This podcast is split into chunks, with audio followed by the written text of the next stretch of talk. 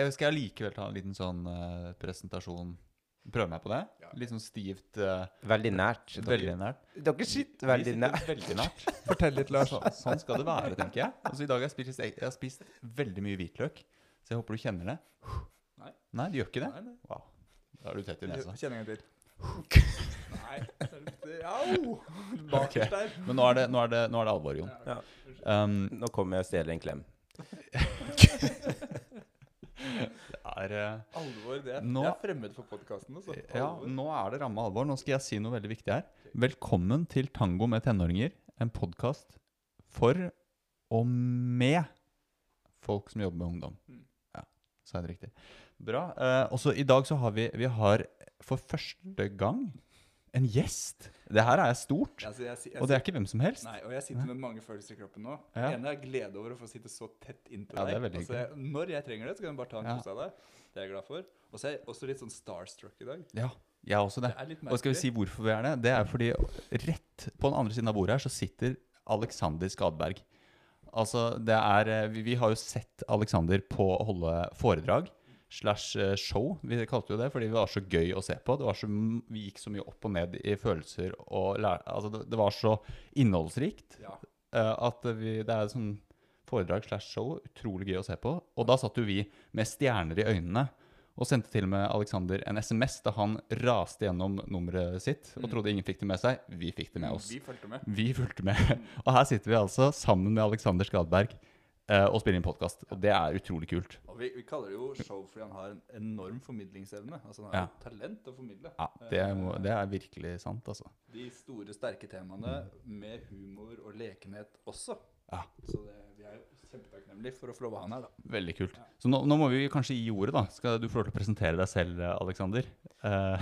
Jeg tenker at, jeg tenker er at tre dere tok dere av eh, presentasjonen på en eh, veldig, veld, veldig fin. Altså, det, er første gangen. Uh, altså, jeg blir jo starstruck av å bare sitte her sammen med dere. Og jeg syns det er så gøy, for den, altså, det er energien. Det er positivt. Det er Nei, det er så mye greier på en gang. Og jeg vet ikke Vi må bare ta lytterne kanskje litt med på hvor nært dere egentlig sitter. Uh, altså, det er, det er veldig tydelig en fem centimeters eh, intimsoner er Ja, nei, dette er fint øyeblikk for meg også, å se to menn eh, som eh, sitter så tett inntil hverandre. Altså, det, er- det, det er nært. Ja, det er nært. Og det er, det er ikke bare fordi vi er veldig glad i hverandre. Det er derfor også, selvfølgelig, men det er f- først For min del, da. Nå snakker jeg for meg selv. For min del så er det fordi vi har én mikrofon.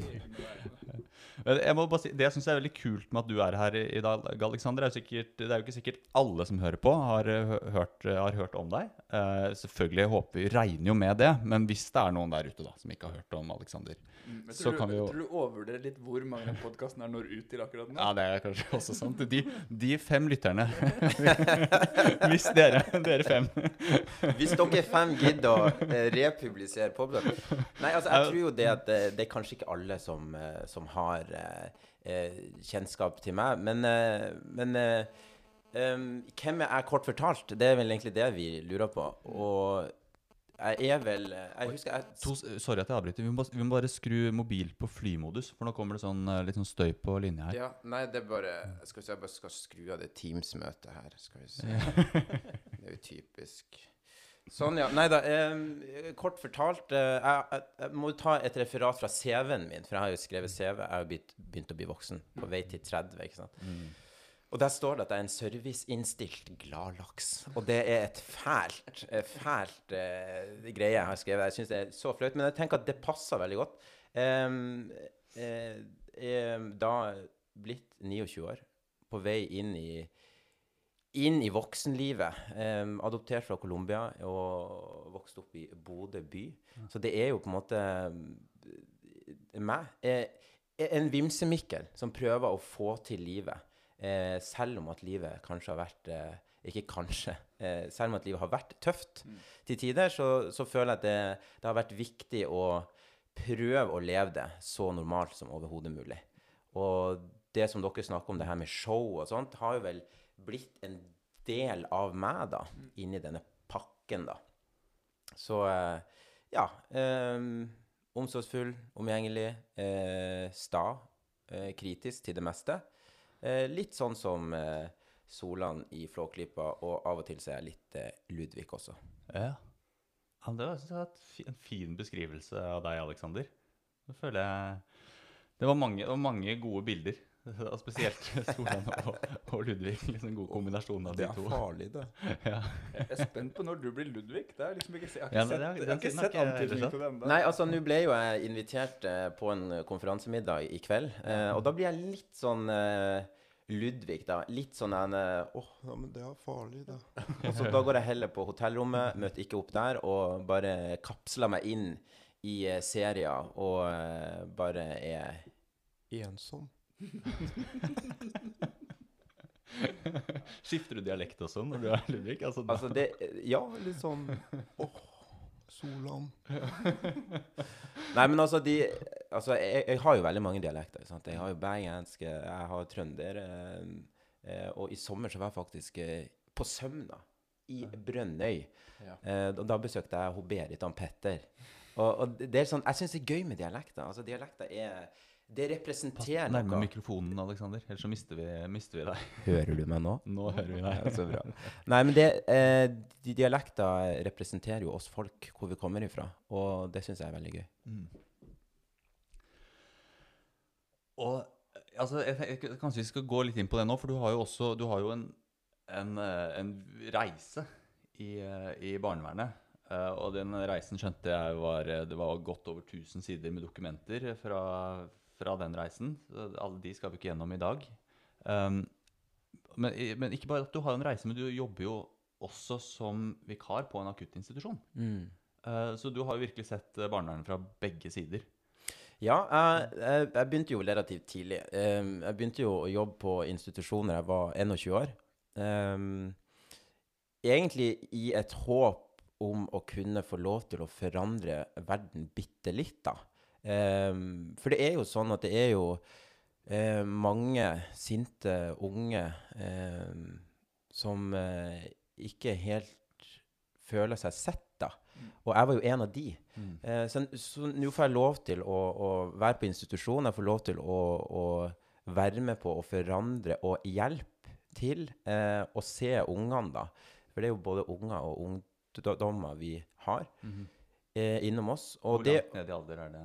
Nei, dessverre så er det jo sånn at eh, vi, vi har jo også unger fra helt ned til ni-ti år eh, som er innom oss. Og, men eh, på akuttsenteret der jeg arbeider, så, så er det jo eh, Vi har eh, ungdommer fra 13 til 18. Um, og det er jo en akuttinstitusjon, ikke sant? så de kommer jo til oss eh, og når ting skjer akutt. da. Og vi møter jo rett ut ifra de situasjonene som har hendt. Ehm, og jeg tror det er viktig at de kjenner på at vi er også forberedt på å ta de imot. Men samtidig så kan man ikke være forberedt heller når det er akutt. Nei. Ingen dager er på en måte like overhodet, da. Det har jeg tenkt på. Jeg har utrolig respekt for de som jobber på akuttinstitusjon. Også selvfølgelig for ungdom som kommer dit. Men for de som jobber, så er det, det er en hverdag som er prega av at du må kunne snu det på hælen og bare være fleksibel og ta det uforutsigbare. da, Med et smil og med fag og med lekenhet. Og det er så mye det er så mye du skal klare å liksom ha overskudd til å gjøre i en hverdag som er, virker veldig hektisk. Jeg har ikke jobba på akuttinstitusjon sjøl, men det virker hektisk og uforutsigbart. Det Altså. virker hektisk. Jeg har vært innom i akutt og fått til og med sove over der og sett hvordan det er litt. Og det er jo Ja. Det, det kan være ganske hektisk, og så har vi jo da dager som er, er helt amazing. Altså Det er jo liksom det her møtet med folk. Um, og så er det jo sånn at jeg har vært veldig opptatt av det at uh, vi jobber jo ikke med paragrafer, vi jobber med mennesker eh, som har en historie. eh, og denne historien skal.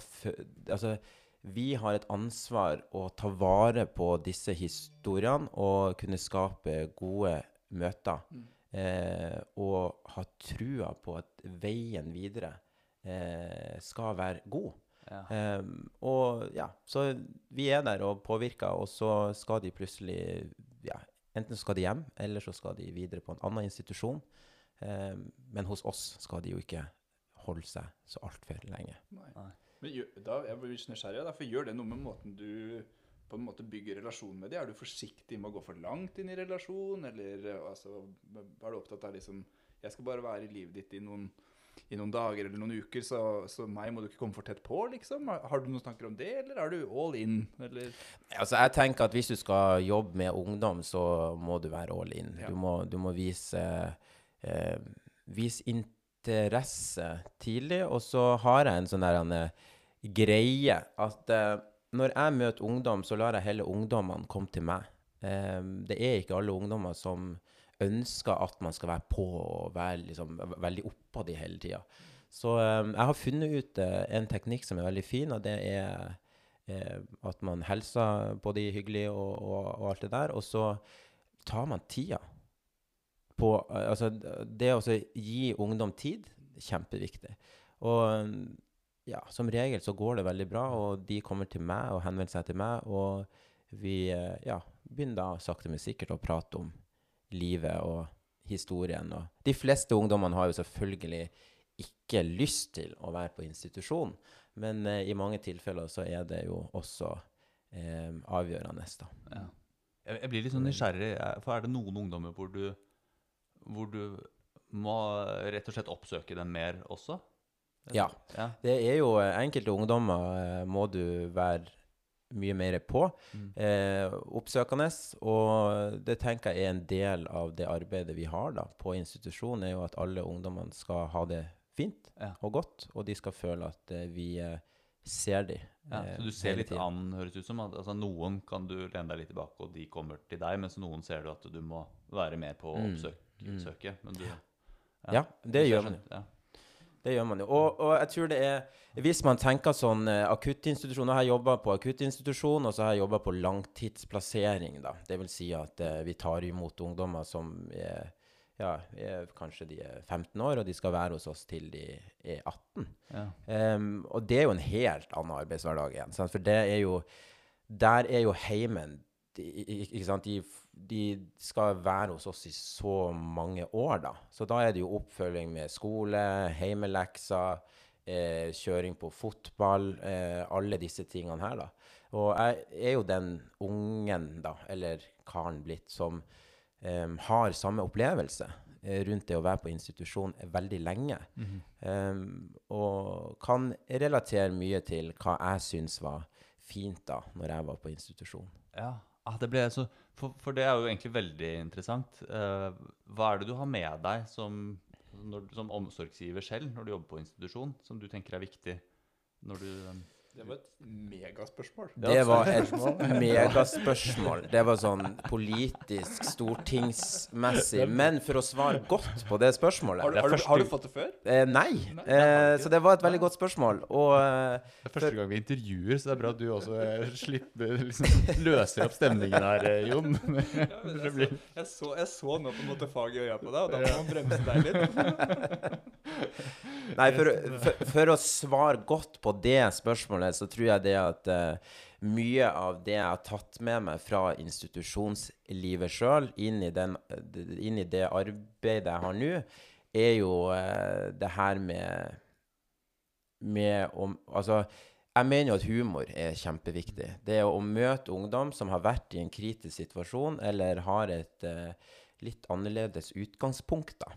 Eh, det er lov å le, og så er det lov å ikke være for faglig. Mm. Eh, jeg tror ungdommer har godt av å se folk som eh, Ja, altså se folk fra alle sider, da. Fagsider. Noen er piloter, noen er ikke det. ikke sant? Altså At de får eh, henge med folk da som, som eh, ikke hele tida er faget sitt, da. Ja. Um, den uformelle biten er veldig fin også. Uh, og jeg er veldig ærlig med ungdommene som jeg arbeider med. Så sier jeg at i dag så har jeg en shitty day, men uh, vi skal få det til. Nå skal vi levere, uh, og vi skal ha det artig. Ja. Um, jeg syns det er viktig at vi også snakker om følelser. Ja. Um, fordi at de tror jo gjerne at vi kanskje ikke har så mye følelser med oss på arbeid. Mm. Um, og der tror jeg første feilen er Jeg tror det er viktig at vi er åpen og, og ærlig og Ja. ekte. Og vi- Og hvis det er sånn fanboys-uttrykk i øya på meg og Lars nå, for det Ja. kan det være der, så er det fordi det her går så rett hjem. Ja, vi er så, Vi er så, vi er så opptatt av det samme. Jeg du sier noe om liksom, det genuine menneskemøtet. eh, og, og det tenker jeg også er jo en del av faget vårt. At vi skal klare det, vi skal klare å være genuine. Og det er så viktig for å kunne skape en god relasjon. At vi er ikke roboter. ikke sant? Vi, vi, vi har opp- og nedturer, vi har følelser, og at vi kan være litt gjennomsiktige i det. Vi kaller det ofte gjennomsiktighet. At vi kan si noe om det, så at, eh, så at vi blir mennesker i møte med de vi skal jobbe med. Det er vel litt det du Ja, altså, og at vi, vi Altså jeg tror det er viktig at vi også husker på det, da. Når vi sitter på høyskolen og eh, skal ta denne utdannelsen her, så er det tenk litt og reflektere litt over hvorfor ønsker du å jobbe med ungdom, og hva vil du at ungdommen skal sitte igjen med etter de har vært i møte med deg. Um, og jeg liker jo disse eh, tingene som skjer da, over tid. Jeg fikk ei melding fra en ungdom da. Nå har han blitt, eh, herregud, 20. 20 22 har han blitt nå. Um, og han sendte en melding og sa tusen takk. Um, og jeg opplevde ikke at uh, vi fikk noe særlig god relasjon. Men han sendte melding til meg, at- så, så sier han tusen takk for at vi kjørte eh, tur, eh, mye turer. Eh, at vi var på skiturer. Um, og da plutselig ble jeg minnet på at wow, er det det du husker som det viktigste eh, av alt? Og da kjente jeg på at ja, selv om at jeg ikke føler på at jeg har gitt så mye av meg sjøl til han, så følte han det motsatte. Ja. Og så sa han takk. Ja. Det må være sterkt Så å det- få en sånn takk. Ja, det er veldig fint, og jeg tenker at det må vi også være flinkere til å, å anerkjenne det arbeidet vi gjør, da. Um, og at vi Ja, nei, klapp dere sjøl på skuldra og si takk. Jeg, tenker, ja, jeg, jeg får så um, Jeg ser det er veldig fint å gjøre. Så syns jeg du trekker fram noe som er veldig viktig. Og det handler om For meg så handler det om liksom hvilket engasjement og hjerte har du i den jobben du skal gjøre. da Og det å være med ungdom. Og Jeg har først lyst til å ta en historie sjøl. Jeg har også jobba på institusjon, eh, som da var en langtidsplasseringsinstitusjon. Eh, og da var jeg Det er jo nesten 20 år siden. Det er veldig lenge siden. Ja, for du er blitt 40 nå, var det Jeg har sånn? blitt 40. Ja. Eh, det viktigste Det viktigste lærdommen med å bli 40, og det mest beroligende Det jeg kan si til dere da, fra andre sida av 40, som dere kan ta med dere, er at uh, du mister ikke lekenheten selv om du blir 40. Det var jeg ganske sikker på. At når jeg blir 40 år, liksom, da handler er det alvor. Blodig alvor. Ikke noe mer tull, ikke noe mer tøys. Altså, Jon, bare la oss være ærlig. Eneste grunn til at du fremdeles er leken, er fordi du henger med meg og Alexander, som er rundt 30. ja. Jeg ditcha alle mine egne venner i 40-årsalderen. De, de er så alvorlige, så de er skippa. Nei, men ja. Nei, men jeg, jeg, jeg, jo, jeg hadde den historien om um, fra jeg jobba på institusjon, hvor jeg var jeg møtte, jeg møtte mange ungdommer, og jeg blei veldig glad i dem. Og det var spesielt, uh, spesielt ei som jeg fikk skikkelig, fikk skikkelig inn i hjertet mitt. da. Men jeg sto i så masse konflikt med den uh, jenta. Vi krangla, og vi, det var ordentlig Det var fysisk, og det var, uh, det, det var Jeg ble møtt av en finger når jeg kom på jobb, liksom. Mm. Og jeg fikk en finger når jeg dro. Og det var aldri noe glede. Eller det var noe glede, men det var veldig mye sinne, da. Mm. Så fikk jeg mulighet til å møte henne helt tilfeldig ved en senere anledning. Hvor jeg så henne før hun så meg. Så tenkte jeg når hun ser meg nå, så kommer hun til å fly på meg. Det er liksom, det er game over, liksom. Eh, men hun, eh, hun blei så glad for å se meg. Og det var så rørende, altså. For hun hadde et kjempestor plass i hjertet mitt. Jeg drømte om henne lenge etter jeg slutta å jobbe på institusjonen. Eh, og, jeg, og, og jeg bare tenkte liksom ja, det kan mistolkes, Jon, men det er, det er, fint, at, det er fint at du er på der. Ja. Ja, Nå kjenner jeg at selv som 40-åring så kan man bli tatt på senga. Ja, ja, og det er var noe med å uheldig være- litt tydelig i hva vi mener her. Er Uheldig ordspill der òg. altså. Nei, jeg var i hvert fall utrolig engasjert i henne, da. Uh, og jeg tror bare jeg, jeg tror hun hadde mange vonde opplevelser uh, med å stå i konflikter med meg, men jeg tror det var noe med engasjementet og den, den oppriktige investeringa jeg gjorde i henne som menneske, liksom, som spilte en rolle. Jeg ser at dere to ikke er ferdig med det her ennå.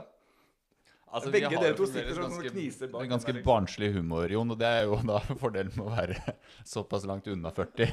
Så har vi fremdeles ganske, ganske barnslig humor, eh, så vi hang oss opp der. Ja, men jeg må skrive dagbok nå. Dette her må jeg bearbeide. Altså. Nei, men jeg, jeg, jeg syns det er jo veldig fint. Eh, men det er jo Altså, jeg tenker at dette møtet handler jo om Jeg får ikke rodd oss ut av den her. nei, det, jeg, jeg sitter fast i det. Altså. Og jeg, jeg er jo bekymra for hvor går ryktet mitt herfra, liksom. Neida. Etter denne podkasten. Um, men uh, jeg er også såpass trygg på at jeg holdt meg innafor retningslinjer. Ja. Ja da, men det er uh, Men jeg tror uh, Ja. Fint. Dette er lekenhet. ja, det er lekenhet. Vi får se om vi får klippe. Vi, kan, vi, vi hører gjennom etterpå, se om vi klipper litt. Ikke Eller, klippe, nei, ikke klipper klippe. Alexander sin latter.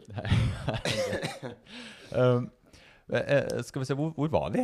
Uh, Nei, vi var på den historien som, som du forteller Ja. om det at de magiske menneskemøtene, det er jo de som er er, er fin. Og det er, jo ikke, det er jo ikke sånn at Nå høres det ut som jeg ler fordi at eh, jeg ikke har opplevd det sjøl. Altså, jeg har jo også tenkt mye på eh,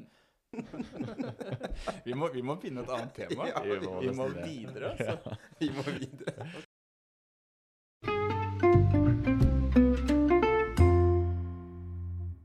Ok, Men hvis vi, hvis vi spoler litt ut, uh, Alexander og Lars oss, jeg, prøver, jeg dro oss inn i det. Jeg prøver å dra oss ut av det. Jeg gjør det. det Fordi- gjør du det? No, noen ganger når vi møter eh, personalgrupper som jobber Ja. med ungdom, Mm. Så er vi opptatt av å få de til å prøve å skjønne den omveltninga det kan være å komme på institusjon. Mm. Du blir, du blir tatt ut av et liv du har, hvor du på en måte har familie og venner, og du har skolelivet ditt og fritidsaktiviteter, og du har rutiner og strukturer som du er kjent med. Og så blir du dratt ut av det, plassert i et fremmed hus med fremmede voksne, aleine, uten de trygge nettverka eller de kontaktene eller vennene du har hatt. Uten de rutinene du er vant til, eller de, den familiesituasjonen som du på en måte har vokst opp i. Og så skal du begynne å orientere deg der som ungdom. Og Mm. føle deg trygg og ivaretatt og, og, og liksom ha et system som, som da er barnevernet. Mm. Og så prøver liksom, Med det her så prøver vi å få de til å tenke litt over hvordan, hvordan det faktisk er å komme på en institusjon da, Mm. for, et, for et barn eller en ungdom. Og det, det veit jo du en del om, Alexander. Du har jo opplevd dette. Mm. Hva tenker du er viktig for å gi disse ungdommene en god start? da? Fra, fra ditt perspektiv og etter de erfaringene du har med barnevern, liksom, hva er du opptatt av i møte med ungdommer som har den opplevelsen der? Jeg, jeg tror at uh, når jeg kom på institusjon første gang, så eh, Så tror jeg det at uh, At de som jobber der, var genuint interessert i meg, den historien jeg hadde. Um, og så opplevde jeg veldig fort det. For det som er veldig rart, da, er at ungdommer som er plassert på institusjon, de kjenner mennesketypene veldig godt. De skjønner om du er interessert, eller om du ikke er det. Um, de leser deg veldig tydelig. Og jeg var også en av de som eh, leste folk. Og apropos det her med lesing fordi at Ofte når ungdommer kommer på institusjon, så får du allerede, før du har helst på dem, lese om dem. Um, men de ansatte husker jeg som jeg likte eh, best, det var de som ikke leste for mye, og heller ble kjent med meg sånn som jeg er.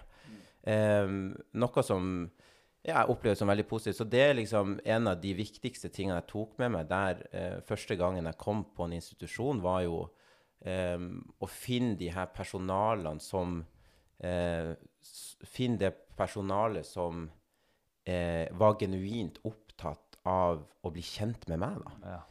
For i papirene så står det jo at eh, ja, han var i, i Han var der, og det er mye alkohol, mye rus, etc., etc., som former veldig mye før du har helst på noen, da. Ja, det er liksom bildet det. Og du nevnte jo også var allerede som åtteåring hvor det sto øh, Mm. at du, du ble beskrevet som farlig. Mm. Jeg tenker det stempelet, da, hvordan det også kan være med å definere Det er jo veldig om, Ta bort nysgjerrigheten på hvem du faktisk er. Ja, og når jeg har lest gjennom papirene mine, så skjønner jeg jo alvoret i, i det folk rundt meg beskriver som en unge som eh, prøver å prate, altså prøver å fortelle noe. Eh, det er frustrasjon, det er sinne, det er det at jeg er usikker på ja, folk og fe, da. Enkelt. Og altså bare det å bli kategorisert eh, inn i eh, farlig, liksom. Mm. Eh, som åtteåring. At, at folk eh, som var 40 Sorry, men eh, det er sant. Altså 40-50 år altså er redd meg. Mm. Altså, da er du Da er du farlig, da. Mm. Men så tenker jeg um, Dette er jo også med på å påvirke det møtet med andre, da. Uh, for hvis de har lest om meg sånn, og så har de aldri sett meg eller hilst meg, så skjønner jeg jo at de er kritiske til uh, hvem jeg er, da. Mm. Men så viste det jo sånn at um, jeg har jo hatt veldig gode folk med meg på institusjonen som så meg, som forsto meg, og som det gikk an å prate med, da. Om følelser. Mm. Um, og jeg husker vi hadde Art. Jeg vet ikke om dere er kjent med Art. Jeg er faktisk Art-trener. Han er Art-trener. Hvis du som lytter nå uh, fikk det med deg, så er altså uh, Jon, var det det? Jon, ja. Uh, Art-trener. Hvis noen trenger en Art-trener der ute, som også er psykolog mhm. Så eh, jeg liker at du sier og som også er psykolog. Ja. Nei, men det, Først og fremst arttrener. Først og fremst Art-trener. Ja. Dernest psykolog. Det er jo jeg, jeg fikk jo da lært eh, meg om det her med sinnemestring. Eh, det å kunne spille ut en situasjon, da. Eh, når jeg ble sint, og fikk se meg sjøl utenifra, da. Um, og det har hjulpet meg veldig mye, da. Så vi hadde art én gang i uka, tror jeg. Um, en periode på et år, kanskje. Ja. Noe sånt. Um, Så du fikk liksom noe konkret Du sier jo flere ting her. Det ene er jo den her den genuine nysgjerrigheten på hvem er du, uten at du skal bli kategorisert innenfor alle disse merkelappene man kan få eh, i, eh, fra dokumentasjonen veldig ofte, da, og eh, basert på at voksne egentlig er redde uh, ofte. Uh, men at du blir møtt med noen som er nysgjerrig på deg, og som vil finne ut av hvem du er, og som da også hjelper deg å finne ut hvem du faktisk er, som ikke er farlig. Eh, jeg ser i hvert fall ikke på deg som farlig nå, så jeg ser jo, jeg ser jo at det her, sant, det her har du heldigvis kommet Du har fått hjelp til å komme deg bort fra den merkelappen. mm. Og så i tillegg har du fått Samtidig så fikk du jo da noen som møtte deg på hva er behovet ditt her. Jo, du trenger noen ferdigheter i hvordan regulere, hvordan bli forstått, samtidig klare å regulere deg når du er sint. Sinnemestring. Mm. Sånn helt konkret å jobbe med. Ja, jeg husker en eh, sånn tydelig regel var å t- telle til ti. Eh, og det er ikke kødd engang. Til, eh, til de som lytter til oss nå. Eh, når du blir sint, prøv å telle til ti. Eh, jeg har funnet ut at når du begynner å telle til ti, så tar du automatisk en pause i det du holder på med. Eh, og det tror jeg nok er den pausen, da, som hjelper eh, til å kunne da som du sier, Lars, det her med regulering, da. Mm. Mm. Det, det tror jeg også er kjempeviktig når man er sint. fordi når man er sint, så begynner man å få noen tanker som liksom er prega av at man er sint. Og de tankene kan fort gjøre deg mer sint. Og så får du nye, sånn, nye tanker fordi du er mer sint, som gjør deg enda mer sint. Så bare det å få en pause i den der eskaleringa der, det lager du jo å telle til ti. Mm. Og Det, jeg merker det sjøl med egne barn og Ikke så mye samspill med deg, Lars. Du er lite provoserende, altså. Men, men med egne barn, Selv om jeg prøver. ja, selv om jeg prøver, så trenger jeg noen ganger bare ta en pause, liksom. Ja. Jeg bare sier nå trenger jeg en pause, og så går jeg ut. Og det, det kan jeg også. Jeg kan absolutt kjenne igjen eh, det. Altså. Det kjenner jeg. Jeg har mye temperament og har også vært eh, my, var mye sinna som liten. eh, Så jeg kan kjenne det der å oppleve å ha det stempelet på seg Mm. som en som er uforutsigbar og ble så sint at folk, måtte, at folk ble redde. Mm. Eh, kan, kan jeg også kjenne igjen.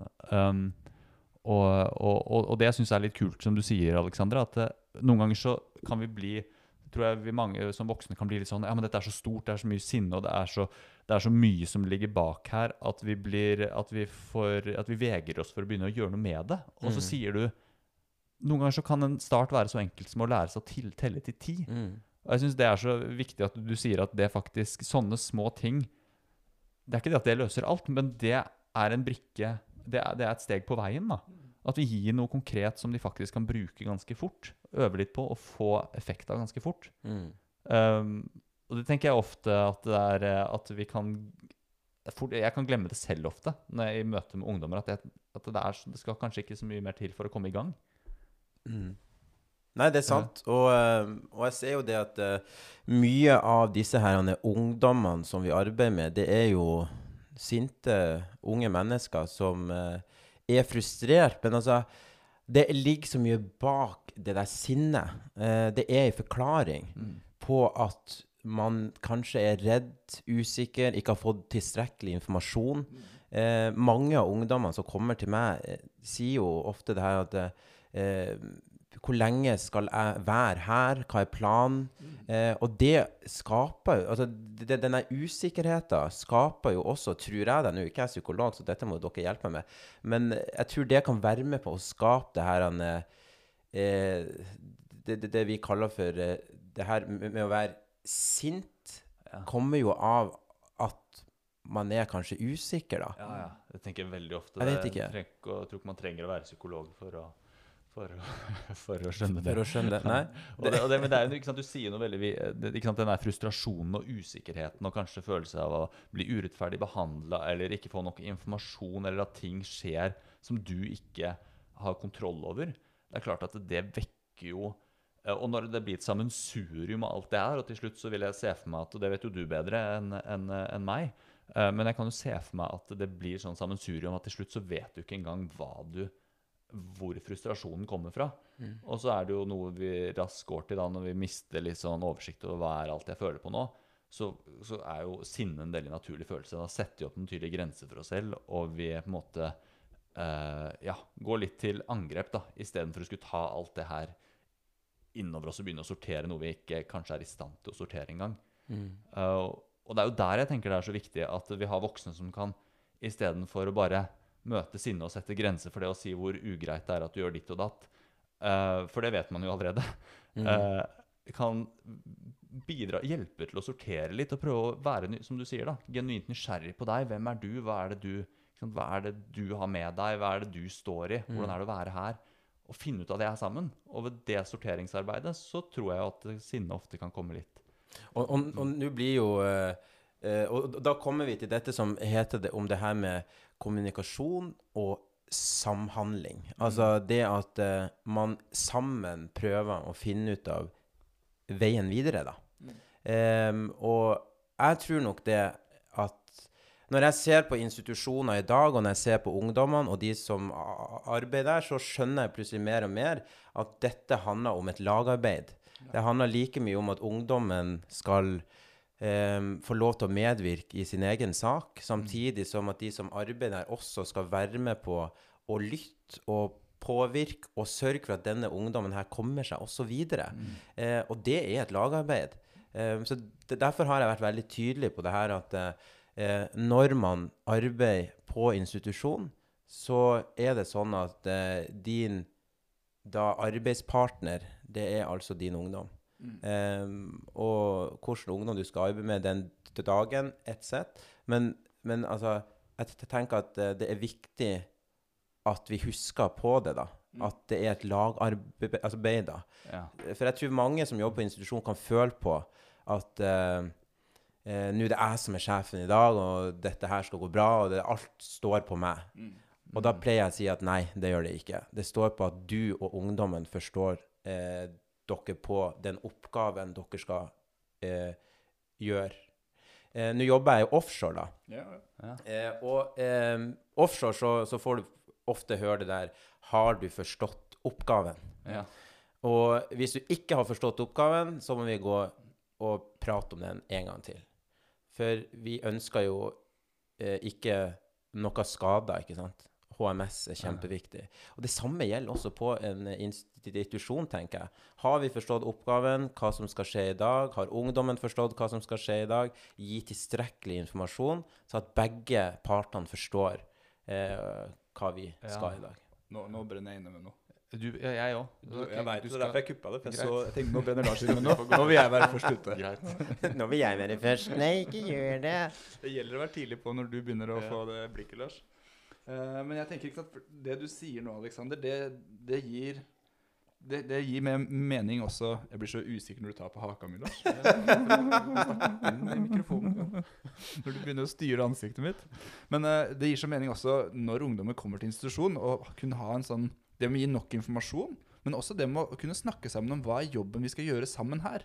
Hva er, det, hva, er liksom, hva, er, hva er poenget med at du er på denne institusjonen? Hva tenker vi at det er viktig å få til for at du skal komme videre på din vei da, i ungdomslivet? Det, det tror jeg ofte er en samtale som er vanskelig å få til, eller som miljøpersonale eller de ansatte også vegrer seg for å ha. men som jeg tenker er viktig. ikke sant? Du, nå er du på den institusjonen her, og hvorfor er du det? Og hva tenker vi at vi skal hjelpe deg med når du faktisk er her? da? Hvor er, hva er liksom utgangsporten igjen? Ikke bare at nå er du her fordi Mm. ting var ikke bra før, og det her er det stedet du bare må forholde deg til, liksom. Og- Ja, så tenker jeg bare på å skyte inn der, for jeg tenker at det er også viktig å få med hva for, Altså, ungdommen forventer jo noe. Selv om de sier 'nei, jeg orker ikke', eller 'nei, jeg Ikke sant? Så forventer de jo også noe av oss som arbeider med dem. Hva forventer du av meg? I, altså, og jeg, jeg tenker at det er viktig at man spør ungdommen eh, rett og slett eh, Hva forventer du av meg i helga, f.eks.? Eller hva forventer du at vi skal gjøre? Eh, for jeg tror det er viktig at ungdommen vet jo at vi har forventninger til én viktig ting, og det er at de skal oppføre seg. Sant? Det er en ting de altså vet, ikke sant? Men jeg tror det er også mange andre ting der som, som jeg tenker at eh, er, eh, Det å snakke om eh, f eh, hva ungdommen ønsker, eh, hva de forventer, eh, og prate åpent om det. Mm. Det var bare en sånn ja. innskytning til det du sa. Jeg likte spesielt altså, veldig godt. Ja, vi har snakket i munnen på hverandre, så hadde alle sammen forstått det. Nei, nå, Lars, nå, nå, nå, Nei, ja, men nå- nå, nå skal jeg gi deg ordet, Lars. Ja. Tusen takk, Nå skal du få ordet, Lars.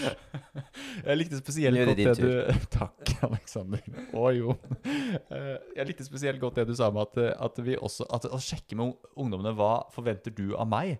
Og, og- og spesielt Jeg tenker det er så Det går så begge veier. For hvis vi har forventninger til ungdommene, så er det jo også vår jobb å hjelpe ungdommene å, å nå opp til de forventningene.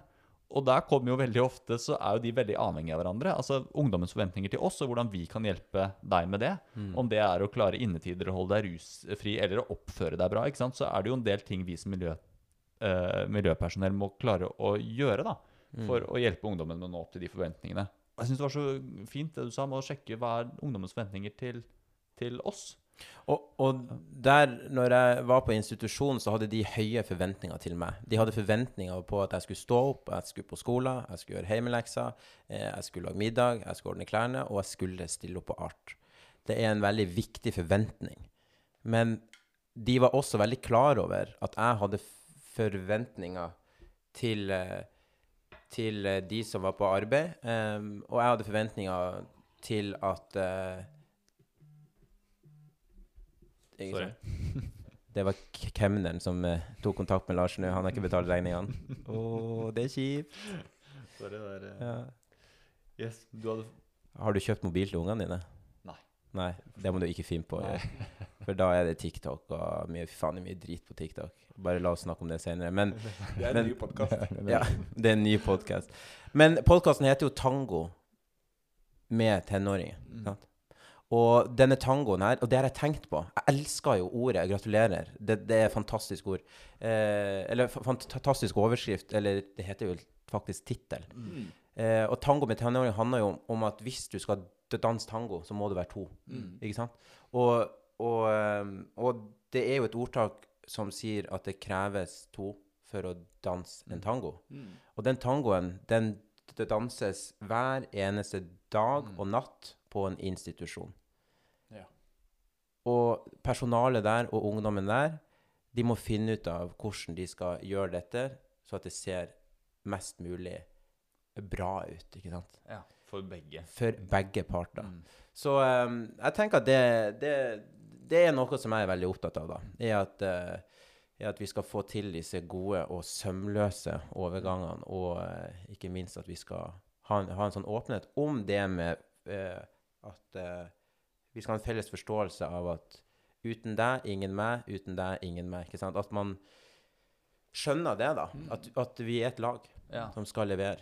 Og da blir jeg først lyst til å følge opp der, eh, Alexander, fordi jeg husker i foredraget ditt at du sa Uh, at um, Jeg husker ikke ordrett, men liksom, du snakket litt om at du hadde egentlig fått ganske strenge grenser, eller go go altså, gode rammer, da, eh, til den um, siste institusjonen der du bodde lengst. Ja, på Ytrabekken. Ytterbekken, ja. Og så der tenker jeg, for det, det sier jo noe om Hvis vi bruker tangometaforen, da, så er jo noe om at ja, det er tango, men det er jo også de voksne som stort sett skal være i føringen, og i hvert fall rundt de viktige Når det er en viktig takt å holde, så må de voksne på en måte ta føringen. Men vi kan jo ikke overkjøre ungdommen, for da blir det jo ikke en dans lenger. Da danser vi jo to vidt forskjellige ting, Mm. eh, og da får vi ikke med oss. Så jeg lurte på, har du litt sånn noen Hvordan, hvordan fikk de til det der? Uh, på Ytterøybekken altså ganske tydelige rammer og, og, og en god føring i dansen, men samtidig som du fikk deg med. På Ytrebekken så har de noe som heter for uh, fasesystemet. Um, Og det er et system som ikke blir benytta på alle institusjoner, uh, og et system som jeg mener flere institusjoner må få høre om. da. Men kort fortalt så er det sånn at fasesystemet er på en måte hjertet til hele institusjonen. da. Vet ikke til de som lytter, eller til deg som ligger i senga og lytter på denne podkasten her. Hvis du har sett filmen 'Avatar', eh, så har du også kjennskap til Tre Eiva. Ikke sant? Og eh, Tre Eiva er jo da moderen til disse her figurene, som heter da Navies. Ja.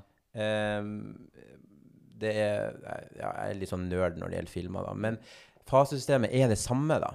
Det er sånn at ungdommene eh, har regler, rutiner. Eh, vi kan tjene poeng som blir til penger, og hvem vil ikke ha penger? Um, og dette systemet må følges til punkt og prikke. Og det gjelder også personalet. Så hvis ikke personalet følger systemet, så følger heller ikke ungdommen systemet. Og hvis ikke ungdommen følger systemet, så følger ikke heller personalet etter. ikke sant? Så dette er den her eh, team eh, hva skal jeg, Teamwork. eh, hvor fasesystemet leder deg videre. Sant? Du starter i fase én, som er alliansefasen. Så kommer fase to, det er mestring én. Mestring 2, Sjenerøsitet én. Sjenerøsitet 2, Og siste fase, som da er selvstendighet. Ja. Eh, hvor det sier seg sjøl, da. Ja. At eh, da kan du egentlig komme og gå når du vil. Hvis du vil komme hjem klokka fire på natta, og du er i siste fase, så har du vett nok til å forstå at du skal opp om fire timer, og du skal på skolen. Ja. Så spørsmålet er da Da skjønner du også at det ikke er lurt, ikke sant? Så du velger automatisk ikke gjøre det. Ja. Og du, du får en mye mer frihet da, etter hvert da. Så, Og så er det som en øh, For da er det jo Det, det synes jeg er så, Bare for å trekke inn det jeg tenker er så viktig, det du sier, er jo noe, det er noe igjen, da. Noe med forventningene. Hva er forventninger til fasesystemet fase forventer Ja. at du skal levere. Ja. Så hver kveld så sitter du i lag Og så er det tydelig hva du skal levere også. Ikke Ja, veldig tydelig. Det er det som er så fint ja. med det, syns jeg. da At det er veldig tydelig både for de voksne og for, for barna hva forventes. Det forventes veldig tydelig, og, og hver kveld så sitter de da med en e e evaluering. eh, på kanten eh, på, på eh, da Eller på kanten, høres ut som man er jo helt eh, Altså, man sitter da med en evaluering sammen med de som er på jobb, Ja. hver kveld, eh, hvor vi da går eh, Hvor vi da skal se hvordan denne dagen har eh, vært, da. Har du vært på skolen i dag? Yes, det har du. Har du Ikke sant? Alle disse tingene som forventes av fasesystemet. Ikke de ansatte, men av fasesystemet forventes det. Og, men fasesystemet forventer jo også eh, noe av de som er på jobb. sant? Har vi klart å få han på skolen i dag? Har vi klart å Ikke sant? Alt det her. Så jeg mener at fasesystemet burde vi ha prata mer om. Jeg kunne ha prata om det kjempelenge, men jeg tenker at dette er et system som, som folk eh, burde å sjekke ut, for det funker. Og resultatet av det fasesystemet, han sitter foran dere akkurat nå. Og det er som, eh, tror jeg, å være i, i eh, på, på en måte eh, kanskje militæret, eh, men på en fin måte, og så funka det jo. Så det, og det Ja, det er mye varme. Det høres ut som da du fortalte om det også, så er det jo mye varme og forståelse. Ikke sant? Alt det må jo ligge til bunn. Kan ikke, du må jo også ha noen voksne som faktisk ser deg for den du er, er nysgjerrig på deg, hjelper deg med det du, det du trenger å øve på. Eh, og og det hjelper deg å sortere litt i alt som foregår, og det du er utsatt ikke sant? Noen som virkelig er der og viser forståelse. da. Må ligge til bunn, regner jeg med. Og så, må vi huske på at uh, Ytrebekken har jo en eh, positiv historie når det gjelder ungdommer og det å, å være på sk eh, da ungdomsskole, videregående skole, og det er ingen ungdom som hopper ut. Og da kan vi jo spørre oss hvorfor har de ikke hoppa ut? 13 år uten ungdommer som hopper ut av skolen. Ja. Det er imponerende. Og fasesystemet har mye av skylda for det her, mener jeg. Det er altså Det, det, er, det er litt mind-blowing. Ja, det er det. uten Ja. noen som dropper ut av skolen. Dropouts. Jeg, jeg, Jeg, men du, Lars, ja, jeg lurte på ja, hva lurte du på? For jeg har, jeg har lyst til å si Jeg litt vet mer. Jeg har lyst til å liksom trekke ut, for det er jo noe med dette fasesystemet som også gjelder liksom, Det er en måte å få en hel institusjon til å samarbeide om noen gode forventninger og hva som er viktig, og jobbe med det på ganske lik måte. Ja. Eh, men dette gjelder jo egentlig en helt vanlig familie også. Altså, ikke sant, Det her med forventninger, og, men da er det lettere å samkjøre når det bare er to. Men her har du et, laget et system som gjør det mulig å samkjøre når du er så mange. Jeg kjenner at Ja. du er skrudd på nå, Lars. For jeg får Ja. lov å kjenne på kroppen din. Ja. Vi er så tett på. Ja. Så nå er det mye spenning, og da er det ofte mange ting du vil spørre om. Ja. Så nå jeg liksom, det, er så, det er så viktig for meg å trekke ut essensen av det. fordi eh, det, som, det jeg tenker med fasesystemet, sånn som du beskriver det, Alexander, er jo nettopp disse forventningene og den, at det er satt sånn i systemet at alle klarer å samarbeide rundt det. Og det er det jeg ser ofte Noen ganger så glipper det uh, at vi har istedenfor samkjørte forventninger, så har vi da 30 forskjellige forventninger. Med et, fordi det er 30 forskjellige miljøterapeuter. Og det ble jo eh, når det, når, når det skjer, så blir det jo Fortell mer, da. så blir det jo veldig vanskelig for ungdommene å forholde seg til. Og så må man bytte, sant, avhengig av hvem som er på jobb, eh, så bytter du da kanskje eh, forventningen du skal nå opp til, uh, istedenfor at det er helt tydelig hele tiden. Og, hva, også, sant, og hva, hva oppnår du med de forventningene? Det er også så fint å samkjøre, fordi når, når det blir gjort på mange forskjellige måter, så blir man jo også Da vet man jo ikke hva man skal gjøre lenger. Da tenker jeg det er kjempeforvirrende. Og det, det, det er jo utfordringen med en institusjon, at det er så mange folk. Så det å sette sånn i system, tenker jeg er um, en uh, god ting. Mm. Lurt. Da er du mer avslappa. Nå er jeg mer avslappet. Jeg, jeg må kjempe for ordene Nå når vi er fikk tre. du eh, valuta for pengene, vil jeg si. Hvis at, uh, vi må bare beskrive for uh, lytteren hva, eh, hva som faktisk Altså, Lars sitter her med en, uh, en eh, ull... eh, Marius eh, kofte. Det er veldig sånn eh. Nå ble jeg så varm at jeg kan egentlig ta den av. norskhistorie Kofte. Litt sånn eh, nostalgisk. Eh, og, og, og er, er veldig påskrudd og veldig tent på, eh, på å snakke om ungdom og eh, i institusjon og psykisk helse. Så det, det syns jeg er, det er imponerende. Veldig bra, godt forklart. Ja, det var fint. Takk. Takk for at jeg fikk være del og så tett på deg Ja. under den tiraden. Ja. Det var ikke en tirade, da, men Ja, du, og dere sitter jo fortsatt veldig tett, og det er veldig, eh, det er veldig koselig. jeg prøver å lukte ekstra mye på ånden til Lars når han prater. Ja, det er litt lite hvitløk Det er hvitløk, og vet du hvorfor jeg spiser hvitløk? Jeg må bare si det veldig kort. For det er noe med det her, ikke sant, å koble seg på ungdommen og noen ganger være eh, som Alexander har nevnt, noen ganger sant, være, kunne være likeverdige. og Så betyr det ikke at vi skal ha den rollen hele tiden. Noen ganger så må vi ta føringen, men noen ganger må vi også kunne være likeverdige. Eller sånn som han eh, i den boka vi har lest, 'Allianser', som Mm. eh, Arne Kjærsland kaller 'kompis'. At noen ganger så kan vi være det, men så må vi også kunne tre ut av den rollen. Og grunnen til at jeg sier det, er fordi at det, grunnen til at jeg, Det er en lang historie. Ja. Jeg lukter hvitløk fordi jeg har fått et kjempegodt tips av en ungdom som har hjulpet meg til å begynne å Jeg, jeg prøvde å bytte ut sjokoladespising med noe annet. Og da ga han meg en fantastisk oppskrift på et, en avokadotoast eh, som har masse hvitløk i seg. Så nå spiser jeg den til alle måltider. og spiser da ikke sjokolade. Eh, så han har jo da hjulpet meg til å slutte, eller i hvert fall foreløpig ser det veldig bra ut. Spise mindre sjokolade, mer avokadotoast. Men hvordan gikk du fra å være eh, Altså eh, Fra å være verdensmester i Norseman til å begynne å spise Amen. sjokolade? Det er ganske hardt. Um, jeg vet ikke, jeg tror Jeg håpet de skulle, ikke skulle, skulle slippe å komme inn på det, men, eh, men um, mange ser på sjokoladespising og trening som motsetninger. Det er ikke det. Jo det er positivt å spise sjokolade, med andre ord. Altså, jeg tenker, jo mer jeg trener, jo mer sjokolade kan jeg spise uten at jeg merker noe annet enn bare energipåfyll. Eh, Så før så hadde jeg jo et eh, Altså, nå sitter han og lukter eh, etter hvitløkslukt. altså, Så før så kunne jeg spise ubegrensa mengder sjokolade, så jeg har måttet på en måte venne meg av med det nå, etter jeg, nå som jeg ikke trener så mye lenger. For nå merker jeg jo at jeg har behov for annen, annen energi enn akkurat sjokolade. Men nå er det jo barnefar, da. Eh, og det er jo veldig, veldig gøy. Så, så jeg tror at du, du, du bruker energien din opp hver dag og blir en sånn Ja, det går mye energi der. Altså. saggy pappa som prøver å overleve livet. Eh, men jeg har jo ikke barn, så jeg, jeg kan ikke sette meg inn i det. Men jeg, men jeg syns det er så interessant med eh, foreldre som eh, har unge barn. Mm. Eh, for det virker som at man på en måte Altså, jeg skjønner ikke hvor dere henter en, en, en, Altså, dere har en ekstra energi.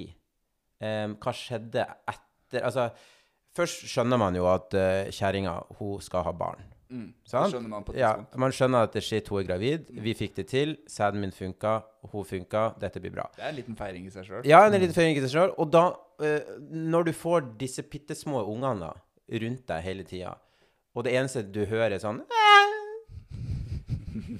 Så blir du litt sånn Eller jeg blir litt sånn, for jeg har ikke unger, ikke sant? Så jeg, jeg, jeg blir han som er sånn Hvordan i faen er det mulig at ei sædcelle kan bli så eh, Støyete. så støyete, liksom. Men fantastisk. Altså, for, de er jo intelligente. De er jo smart. Eh, De, de skal liksom opp der og levere på toppnivå hver dag. Og du som far, dere to som fedre, skal jo på en måte ha energi nok til å følge dem. Så jeg er bare så imponert. Og jeg tror at man får ekstra energi rett etter fødsel. Ja. Det er noe Ja. evol sånn evolusjonært, liksom. At bare biologisk sett så Bare bam! Ja. Det er en bombe med energi, Ja. eller sånn pose med energi som bare slippes. For når du ikke har unge, så er- ligger du og sover i tolv timer og Ja. koser deg. Jeg skjønner ikke hvordan Ja, jeg, nei, jeg, jeg har også lurt på det. Men jeg, men jeg ser jo også at i perioder så er jeg jo helt Altså helt slått ut. Altså, For det går jo i ett. Både natt og dag i perioder. ikke sant? Og da er det klart at noen ganger så må kroppen hente seg inn. Og da kommer det gjerne noen dager, kanskje en helg, hvor jeg bare ikke sant, knapt klarer å ligge på sofaen. Og hvor jeg er heldig, er heldig og har, har altså, Veldig ofte så er det jo ikke både kona mi og meg der samtidig. Og det er veldig fint. Eh, Så vi kan bytte så, det, eh, så vi kan bytte på å faktisk ta oss av barna. Men det er jo Det kommer jo det også, selvfølgelig. Det er helt, Jeg vil bare runde av den hvitløkspraten, jeg. For det, jeg, jeg fikk ikke noe innspill på slutten der. Men jeg kom på, fordi sant, gjennom hele studiet, Jeg har jo kjent deg noen år, Lars. Mm. Og gjennom hele studiet når jeg har kjent deg, så har du hatt en sånn grunntone av makrell i tomat.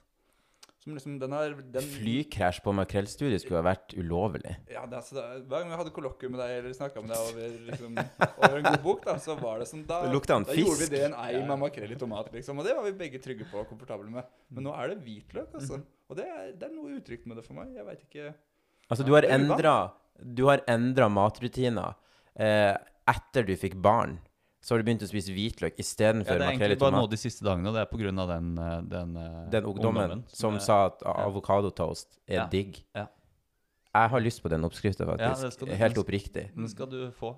Jeg må spørre, jeg må spørre den ungdommen etterpå om jeg får lov til å dele den, eller om dette er en liksom, hemmelig oppskrift. Og hvis du ikke får lov til å dele den, så er det lov å ta den.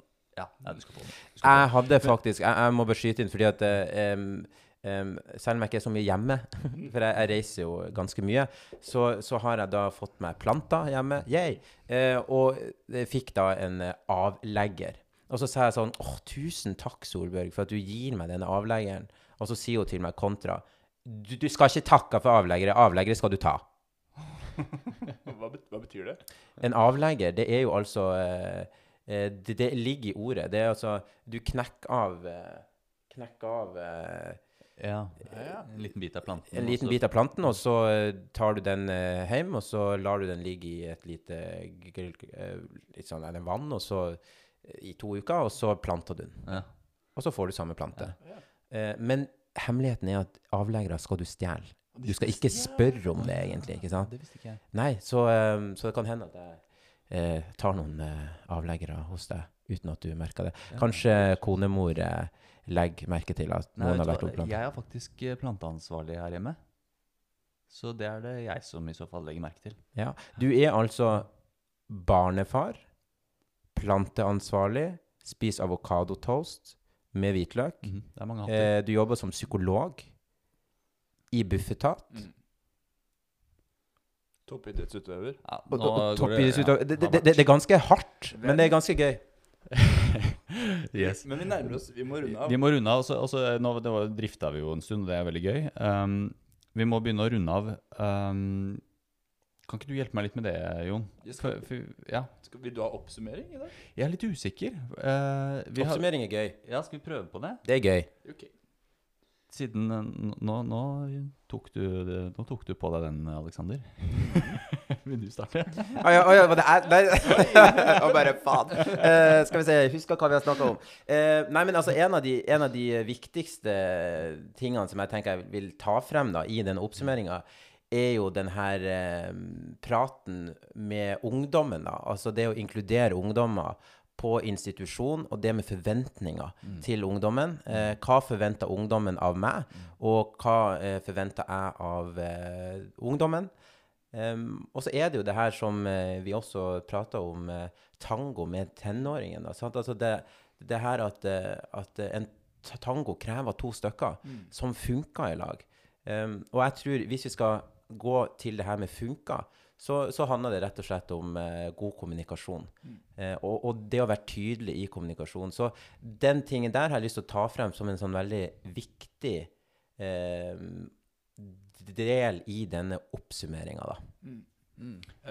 det var veldig fint, syns jeg. Og så har jeg lyst til å liksom skyte inn et element som jeg egentlig ikke var så mye innom i dag. Som jeg synes er Spennende. Men dette her er jo Spennende. Dette er gjetting litt utenfra også, Alexander. For en ting jeg opplever med deg, da Jeg kjenner jo ikke deg godt. Jeg har møtt deg en gang på Teams, også i dag. Men det, Nei, men vi har det veldig gøy sammen. ja, det er akkurat det jeg Vi har det veldig gøy sammen. For det er noe lekent med det. Ja, som jeg syns er helt sånn fantastisk å møte. Og som på en måte altså Misforstå meg rett, da, for nå har jeg allerede tråkka i den salaten noen ganger. Men det er sånn det tiltrekker. på en måte Jeg har lyst til å, jeg har lyst til å snakke med deg og henge med deg og finne mer ut av deg. Fordi du har den lekenheten i deg. Og det også Det må Ja. nevnes. Likewise. altså. Likewise. Ja. Og det, det tenker jeg, ja, det, for det er jo en egen, vi kunne, det er jo mange egenskaper eh, som vi, og, som vi eh, eh, skal tilby som miljøarbeidere og omsorgsgivere. Eh, og det er jo noe av det fine med en institusjon, er at eh, vi har jo, når vi er mange, så kan vi også um, en måte komplementere hverandre. altså bli, eh, Sammen bli, få alle de egenskapene. da. Uh, og lekenhet er jo en av dem, som jeg, som jeg tenker ikke sant, du helt klart uh, har, Aleksander. Uh, som jeg tror ofte er en veldig sånn fin måte å komme inn til ungdom på. Ikke sant? Det er en veldig fin, er veldig fin utgangspunkt å ha den lekenheten. For da kan du alltid gå tilbake dit også når ting er litt tøft. Så kan du gå tilbake til den lekenheten litt, litt, Mm. uh, altså koble litt av, litt av med det. da. Mm. Så ikke trenger å være så seriøst hele tiden. Ha det litt moro sammen. Og så sier jeg ikke, selv om jeg tror det er en veldig fin egenskap, så er det jo ikke alle som får til å være lekne med alle ungdommer. Uh, Men det trengs kanskje ikke heller. Ikke noen, lenge noen har den, har den rollen, så er det kanskje andre som må ha en, eh, en annen rolle. Og da kan kanskje noen være mer, stå mer for strukturen og, og, og, og rammene mm, og, bidra til at det opprettholdes, mens noen kan, kan ta den rollen med litt mer lekenhet. Vi, Og det er jo det som er sammensetninga. Jeg må skyte inn for at de og, og eh, skal lage ei eh, teaterforestilling. Ei, ei ny ja. teaterforestilling som eh, heter 'Institusjonalisert'. Eh, og i ordet 'institusjonalisert', eller på engelsk som det er, så er det jo 'institutionalized', som er faktisk enda finere. Det er litt rart når man snakker litt eh, annerledes, for da eh, høres ting litt finere ut. Men den forestillinga der, den handler jo om hva som skjer inne på en institusjon. Og da kommer jeg til poenget mitt, som er de som er ansatt på en institusjon. Det er veldig mange forskjellige folk. Noen er leken, noen er veldig alvorlig, noen er veldig rolig, noen er veldig høyt oppe. Og det husker jeg når jeg var på institusjon. Så hadde vi eh, noen helger så var det alltid turer, teltturer, lavvo, ski. Eh, alle disse her. Men det var med turfolkene som arbeidet på institusjonen. De, de, de herrene som, som Mm -hmm. Eh, og noen helger så var det altså, mye fokus på mat, og for at da var det ja, folk som eh, var utdanna kokker, ikke sant? Så, så, så, så jeg mener jo at Institusjons-Norge trenger det mangfoldet eh, inne på en institusjon. For da får ungdommene også muligheten til å finne seg sjøl i noen. ja. Um, så det, er, det var bare et lite innspill da, til det. Ja, jeg henger, som, jeg henger, henger meg sånn på det. Ja, jeg òg. Det finner seg sjøl i noen. Er også veldig fint. For Ja. jeg, jeg, jeg har så behov for å runde av podkasten med ett spørsmål. Det, til Alexander. Men jeg veit at jeg må kjenne på deg først, Lars, om du liksom har fått ut all, alle de orda som var i deg, og alt engasjementet. Eh, Ja, det, nei, det er ikke ute, altså. Nei. Men det er avspent. Ja, det er litt sånn roligere. Ja. Litt Så kjør, kjør på, du, så får vi se om jeg eh, kupper svaret, da. Ja, det tror jeg ikke du gjør, for det er et spørsmål til Alexander. Ja, da. Fordi du sa, Alexander, når du begynte å jobbe på institusjon, så begynte du i en ung alder, og så hadde du en tanke som nå skal jeg inn og forandre verden litt. Har du, syns du at du har fått forandra verden litt? Det var et veldig godt spørsmål, og hvis jeg skal svare på det kjapt uten å tenke for mye over hva jeg sier, så føler jeg at jeg sammen med de menneskene som jeg har møtt, eh, og som jeg møter når jeg er på konferanser generelt sett, og på institusjon, forandrer verden bitte litt. Men uten de så tenker jeg at eh, det ikke hadde vært mulig. Og så til institusjonssammenhengen, da, så, så vil jeg si at jeg har fått lov til å være med på å forandre eh, altså verden bitte litt. Og så kan jeg si, for det er veldig gøy um, Jeg har jo vært med på å forandre ettervern til 25 år, som var før 23 år. Så jo, um, jeg har vært med å forandre verden bitte litt. Og det syns jeg er utrolig gøy. At jeg fikk lov til å altså være med på denne kampen og få politikerne også til å forstå eh, viktigheten av ettervern til fylte 25. Um, så jo, jeg har vel egentlig fått lov til å være med og endre verden bitte litt. Det var et svar som var Det var så mye mer enn jeg hadde Ja. tenkt at det gikk an å svare på det. Jeg er glad jeg, er glad jeg ikke kuppa det, for det hadde blitt veldig mye kjedeligere. Det For en avslutning på, på en podkastepisode med Aleksander. Ja. Det var, det var rått. Ja. Tusen takk eh, for at du ble med, Aleksander. Og tusen takk for at jeg fikk lov til å henge med dere, og at vi kan danse tango sammen. Det ble en fin tango, det her. Ja. Syns det. Trippeltango. Yes.